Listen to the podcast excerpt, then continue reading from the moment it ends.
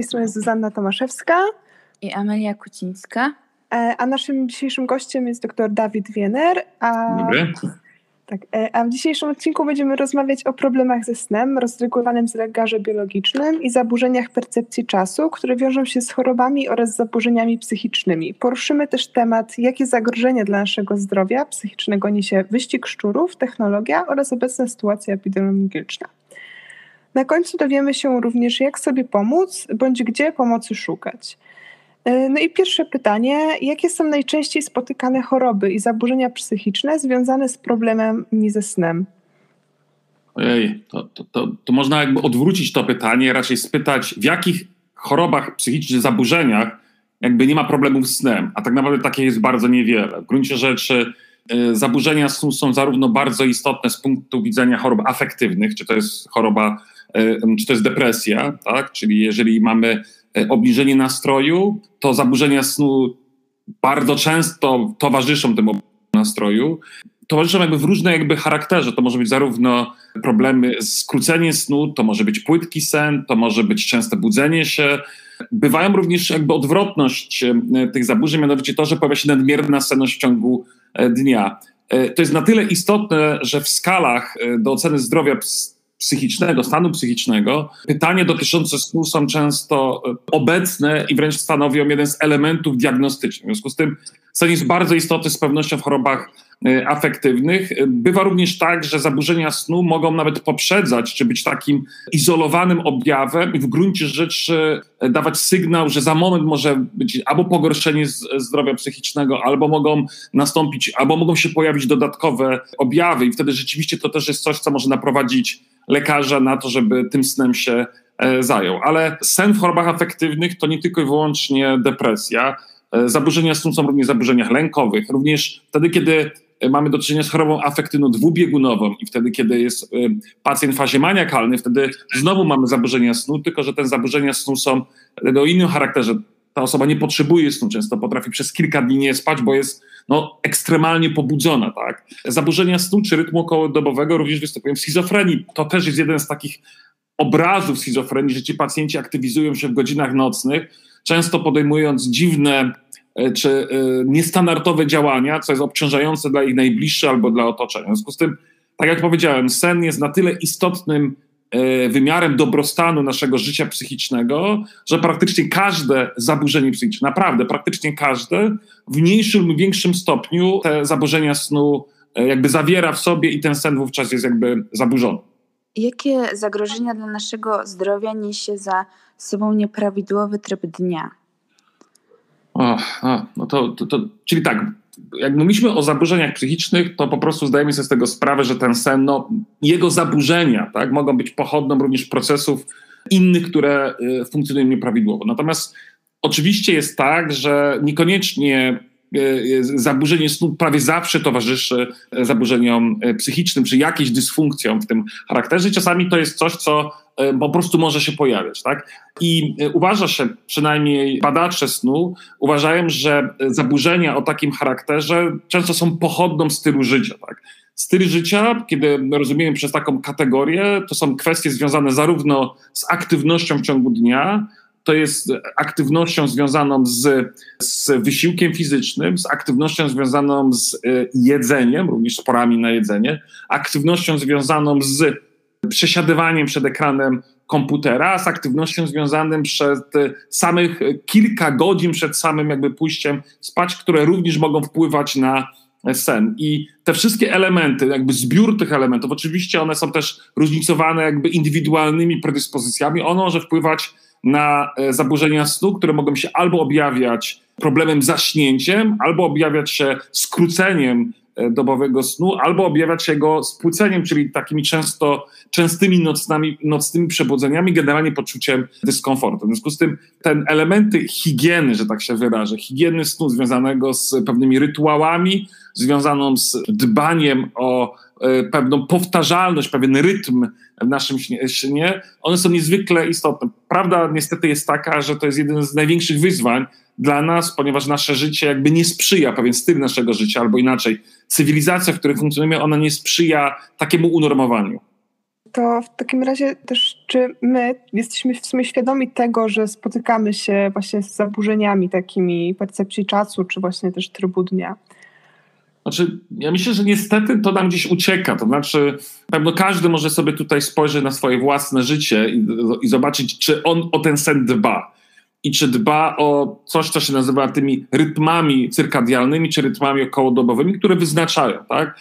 I większość z nas by zwróciła na to uwagę, że tak jest nie do końca. Być może są osoby, które mają na tyle mocno zbudowane mechanizmy, które pozwalają nam zauważyć pewną regularność, no jakby dostrzec wartość w tym i pilnować chociażby tego, ile tych godzin snu powinniśmy mieć. A mówi się, że ta przynajmniej 7 godzin jest tą wartością, która jest pożądana i pewno byłaby wskazana dla większości z nas. Im więcej prawdopodobnie, tym lepiej. Im mniej, tym można wtedy mówić o tym, że ten sen może być przynajmniej dla części osób zbyt krótki. W związku z tym, jeżeli pyta, pyta, pytacie się, czy my mamy świadomość tego, to ja myślę, że my tej świadomości nie mamy, chyba że zaczniemy odczuwać zaburzenia snu. Czyli zaczynamy dostrzegać, że z tym, z tym snem dzieje się coś nie tak. Mówię, albo jest skrócony, albo jest płyt, płytki, albo y, mamy problemy z zaśnięciem. To, to są takie trzy komponenty.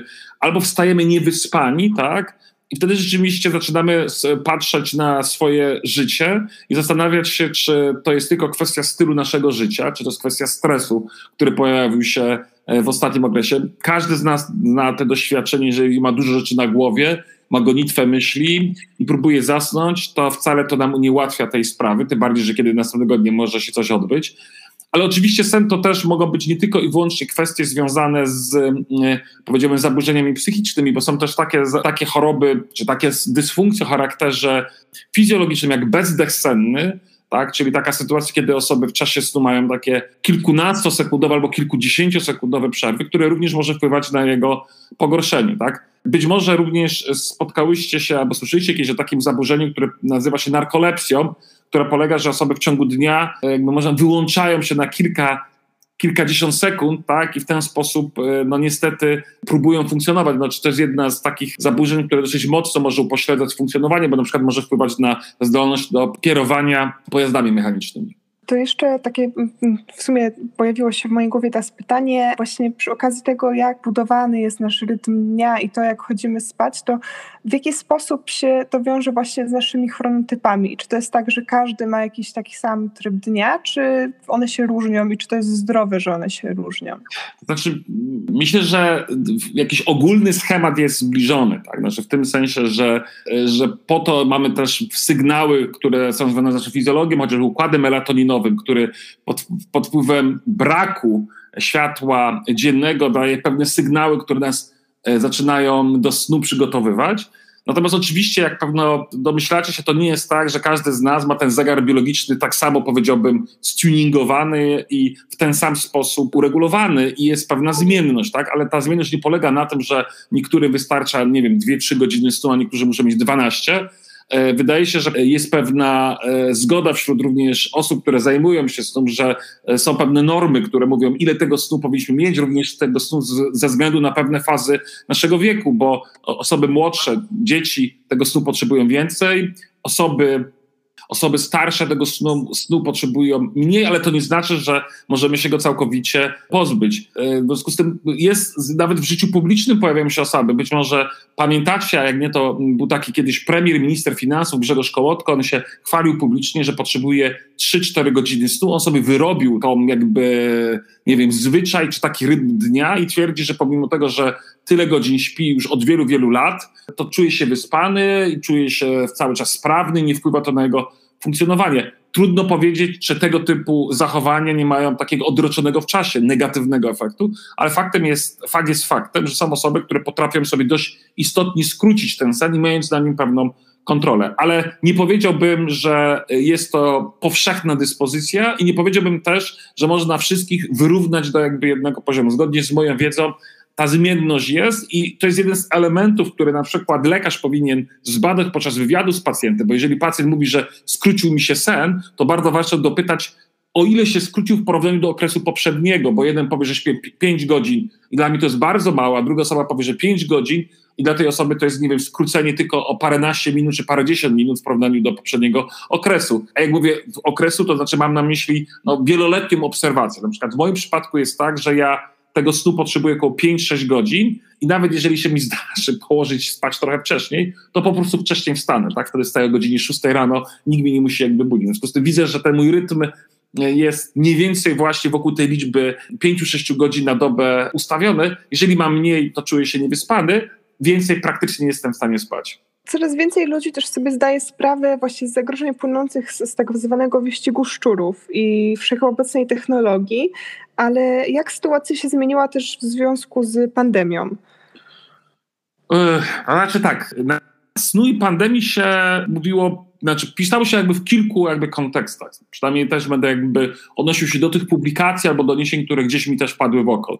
Jedna była taka, że zwiększenie liczby godzin snu zmniejsza ryzyko zakażenia. Pojawił się taki artykuł British Medical Journal of Nutrition, Prevention and Health, który mówił, że każda dodatkowa godzina snu to około 12% niższe ryzyko zakażenia, e, przepraszam, znaczy tak, ryzyko zakażenia COVID-em, przy czym co jest interesujące, dotyczy to snu nocnego, bo drzemki w dzień zwiększały natomiast e, ryzyko, tak? Być może to była jakaś tylko korelacja, na przykład te drzemki w ciągu dnia mogły świadczyć o w ogóle nie najlepszej kondycji psychofizycznej danej osoby, tak?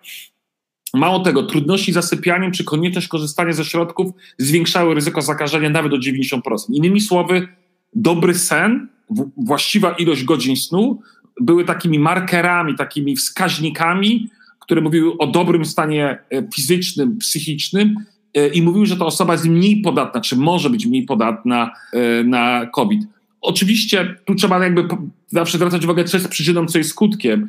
Osoby podatne na COVID to były osoby starsze, to były osoby często schorowane, a choroby somatyczne mogły skracać sen to była również otyłość, która nie jest elementem sprzyjającym dobremu wypoczynkowi i, i sprzyjającym snu, a jednocześnie też jest czynnikiem ryzyka e, na COVID. W związku z tym to jest jakby jeden wymiar, czyli wiadomo, że mówię, dobry sen, fizjologiczny sen, właściwa ilość godzin snu z pewnością jest elementem, który mogła nas chronić przed COVID-em.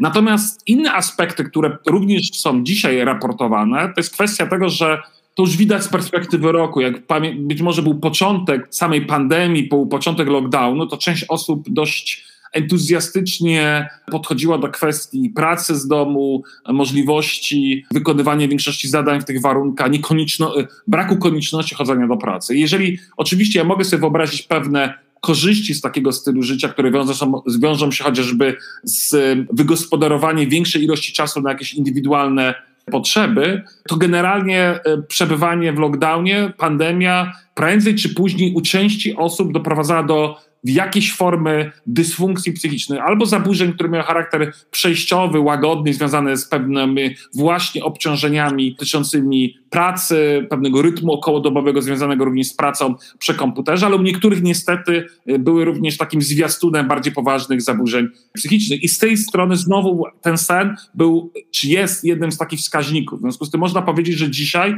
zaburzeń snu jest więcej niż było e, rok temu. O tym mówią i lekarze, i psycholodzy, być może też możecie zaobserwować w swoim otoczeniu, że osoby częściej e, informują o tym, czy, że mogą mieć czy mają, czy opowiadają o problemach ze snem, pomimo tego, że mogłoby się wydawać, że mogą się wyspać, powinno sprzyjać właśnie wysypianiu, czyli niekoniecznie tak musi być. To może ma Pan jakieś takie rady i może sam z własnego doświadczenia też, jak można sobie ułożyć właśnie jakiś taki rytm dnia w domu właśnie, jak może podzielić obowiązki, jeżeli się pracuje z domu całkowicie? Jest takich 10 przekazań y, opracowanych przez Światowe Stowarzyszenie Medycyny Snu. Tak? Nie wiem, czy się z nimi spotkałyście, czy nie, ale również w Polsce je promuje Narodowa Fundacja Snu. W związku z tym i one są poniekąd zdroworozsądkowe. Tak? Pierwsza z nich mówi, żeby każdego dnia zasypiać o tej samej porze tak? i wstawać o tej samej porze. Można powiedzieć bardzo proste, nie tak łatwe do utrzymania, tak? ale to, to naturalnie zaczyna programować nas na pewien rytm. Tak? Jeżeli ma się zwyczaj drzemać w przeciągu dnia, to czas drzemek nie powinien przekraczać 45 minut, tak? Czyli lepiej mieć dwie krótsze drzemki po 20 minut, tak? Niż jedno półtorej godziną. Znacie ten stan, kiedy człowiek czasami po dłuższej drzemce wstaje i nie potrafi dojść do siebie przez dłuższy okres, tak? Oczywiście nie spożywać alkoholu, jeżeli do ustalonej godziny spania zostało mniej niż 4 godziny i podobnie nie palić tytoniu. Tak? W związku z tym idealnie byłoby, że ten kilka godzin przed snem odstawić wszelkie używki, podobnie z kofeiną i to nawet do 6 godzin. Przy czym pamiętać, że kofeina to jest nie tylko kawa, pamiętajcie, żeby w herbacie, e, w napojach, energetykach, ale nawet w czekoladzie, tak? To jest kolejna, przy czym to jest, to jest element zmienny, to jest oczywiście rekomendacja. No, e, osoby, które spożywają bardzo dużo kawy, też z biegiem czasu stają się na nią niewrażliwe.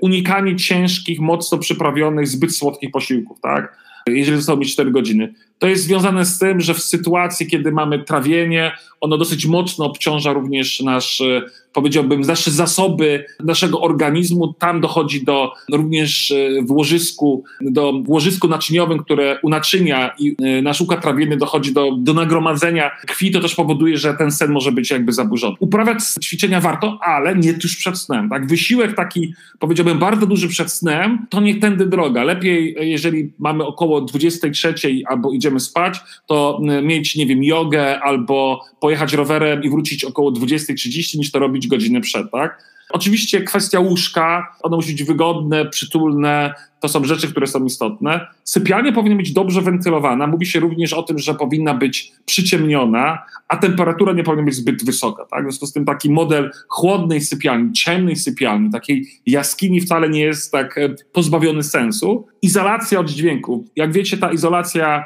to, to mogą być rzeczywiście zamknięte okno, to może być kwestia zamkniętych drzwi, to mogą być zatyczki do uszu albo nakładki, ale to jest istotne. Tak, tą właśnie się wiąże też zaciemnienie.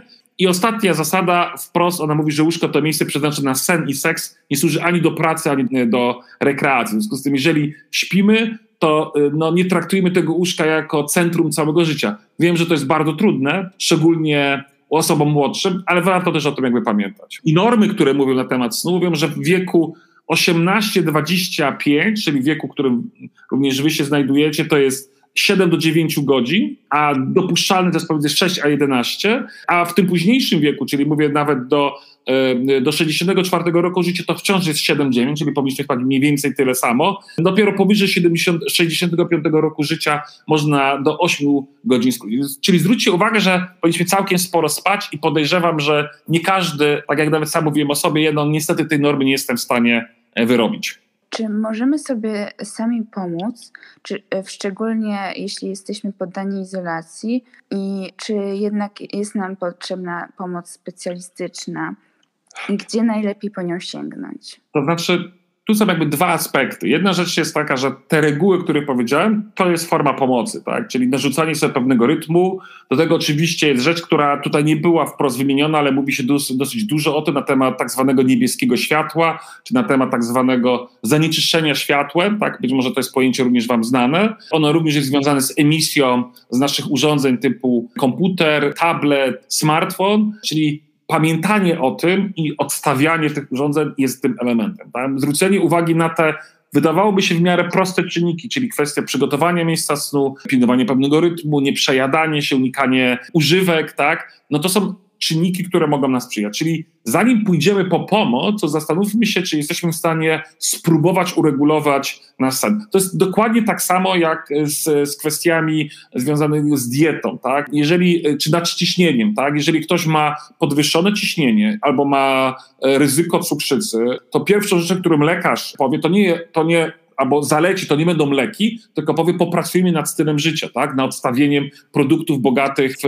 sód albo um, nad zmniejszeniem kaloryczności czy indeksu glikemicznego. Sprawdźmy, co może jakby wpłynąć na zmniejszenie insulinooporności i również spadek masy ciała. Sprawdźmy, czy jesteśmy w stanie w ten sposób sobie uregulować. W związku z tym prewencja albo inaczej dbanie poprzez zmianę stylu życia jest pierwszą rzeczą. Tak? I jeżeli te czynniki nie zadziałają, no to wtedy rzeczywiście można się udać do lekarza. To może być neurolog, to może być psychiatra, e, to może być lekarz rodzinny, który będzie miał całą wiedzę z tego tematu, bo to nie jest, e, to nie jest dolegliwość, która jest zbyt rzadko raportowana, że tak się wyrażę, przed pacjentów, to on wtedy może starać się pomóc. Przy czym znowu jest tak, że terapia snu lekami farmakologicznymi musi być prowadzona pod bardzo dużym reżimem. Niestety część z tych leków e, ma dużą potencjał, bym powiedział, uzależniający i trzeba być bardzo ostrożnym, żeby nie doprowadzić do sytuacji, w której osoby w sposób niekontrolowany będą sobie brały na sen różne rzeczy i w efekcie niestety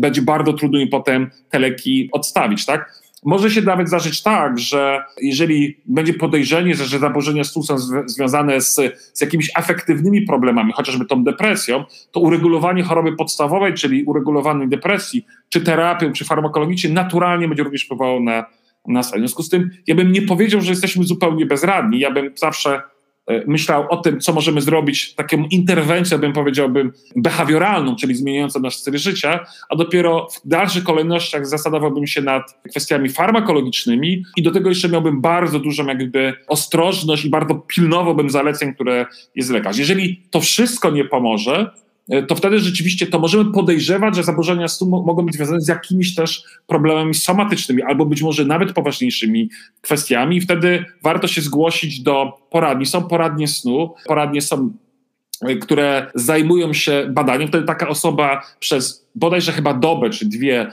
wysypia się w szpitalu, tak, dostaje również czepek na głowie i dzięki temu jesteśmy w stanie zbadać fazy snu. W moim mieście w Poznaniu wiem, że taka poradnia w szpitalu na Szwajcarskiej funkcjonowała, być może wciąż funkcjonuje. W związku z tym e, z pewnością w dużych miastach wojewódzkich takie poradnie snu. I wtedy rzeczywiście można zobaczyć, jak wygląda relacja pomiędzy fazami snu. Można sprawdzić, czy ta ilość snu głębokiego jest właściwa, można sprawdzić, czy nie pojawia się bezdech senny, czy nie mamy innych potencjalnych przyczyn, które mogą powodować rzeczywiście brak snu. W związku z tym jak najbardziej można starać się z tym snem pracować, tylko tak jak powiedziałem, droga jest najpierw od pracy z własnymi nawykami, zachow zachowaniami, elementami związanego ze stylem życia. Potem można się zwracać o pomoc dopiero do specjalistów, lekarzy, a pewno na samym końcu już jest taka, powiedziałbym, e, no, niezbędna konieczność udania się do właśnie, właśnie tych pracowni polisomnograficznych, bo one tak się nazywają.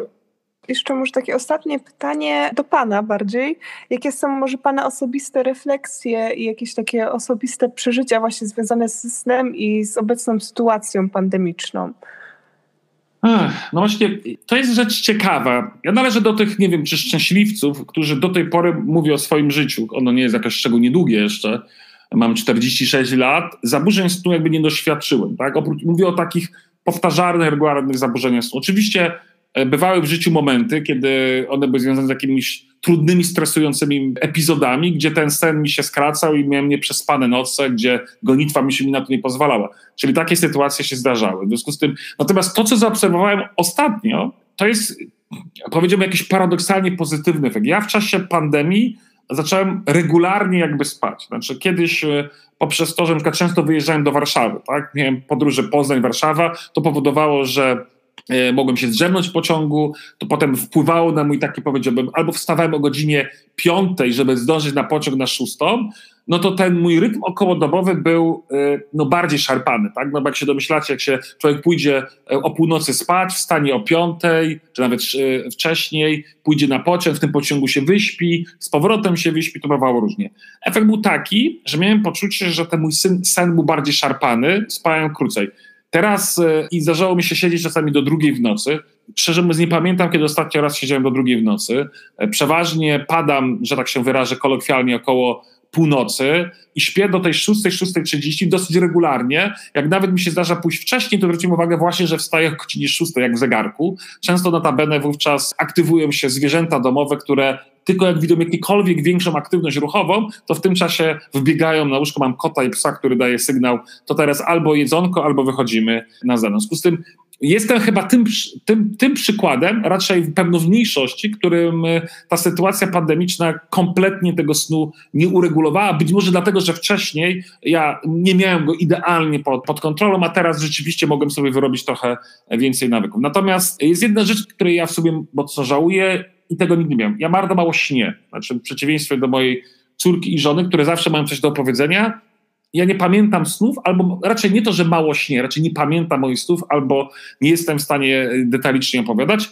I czasami tego żałuję, bo są osoby, które tą granice pomiędzy snem a jawą e, mają trochę, powiedziałbym, płynniejszą i potrafią całkiem dobrze wykorzystać to, co się im się przyśniło. Tym bardziej, że czytałem, zresztą polecam, świetną książkę Stanisława Diena, czy Dichena, Jak się uczymy. To jest najlepsza książka na temat tego, jak się w ogóle uczymy. I on bardzo dużo miejsca poświęca właśnie na temat snu, wskazując, że dzisiaj wiemy, że sen jest niezwykle ważnym elementem konsolidacji pamięci. Innymi słowy, naprawdę jest tak, że podczas snu my przetwarzamy w zwielokrotniony sposób bodźce w ciągu dnia i dzięki temu jesteśmy w stanie zapamiętywać je, tworzyć nowe połączenia neuronalne i dzięki temu pamiętać to, co się działo, czy w sposób świadomy, czy mieć pewne mechanizmy, które nam pozwalają potem rekonstruować te zdarzenia. W związku z tym to jest bardzo ważny element, który jest istotny w procesie edukacyjnym. Oczywiście znowu możemy wrócić do osób młodszych, które tym bardziej tego potrzebują, ale myślę, że w naszym wieku, myślę szczególnie również waszym,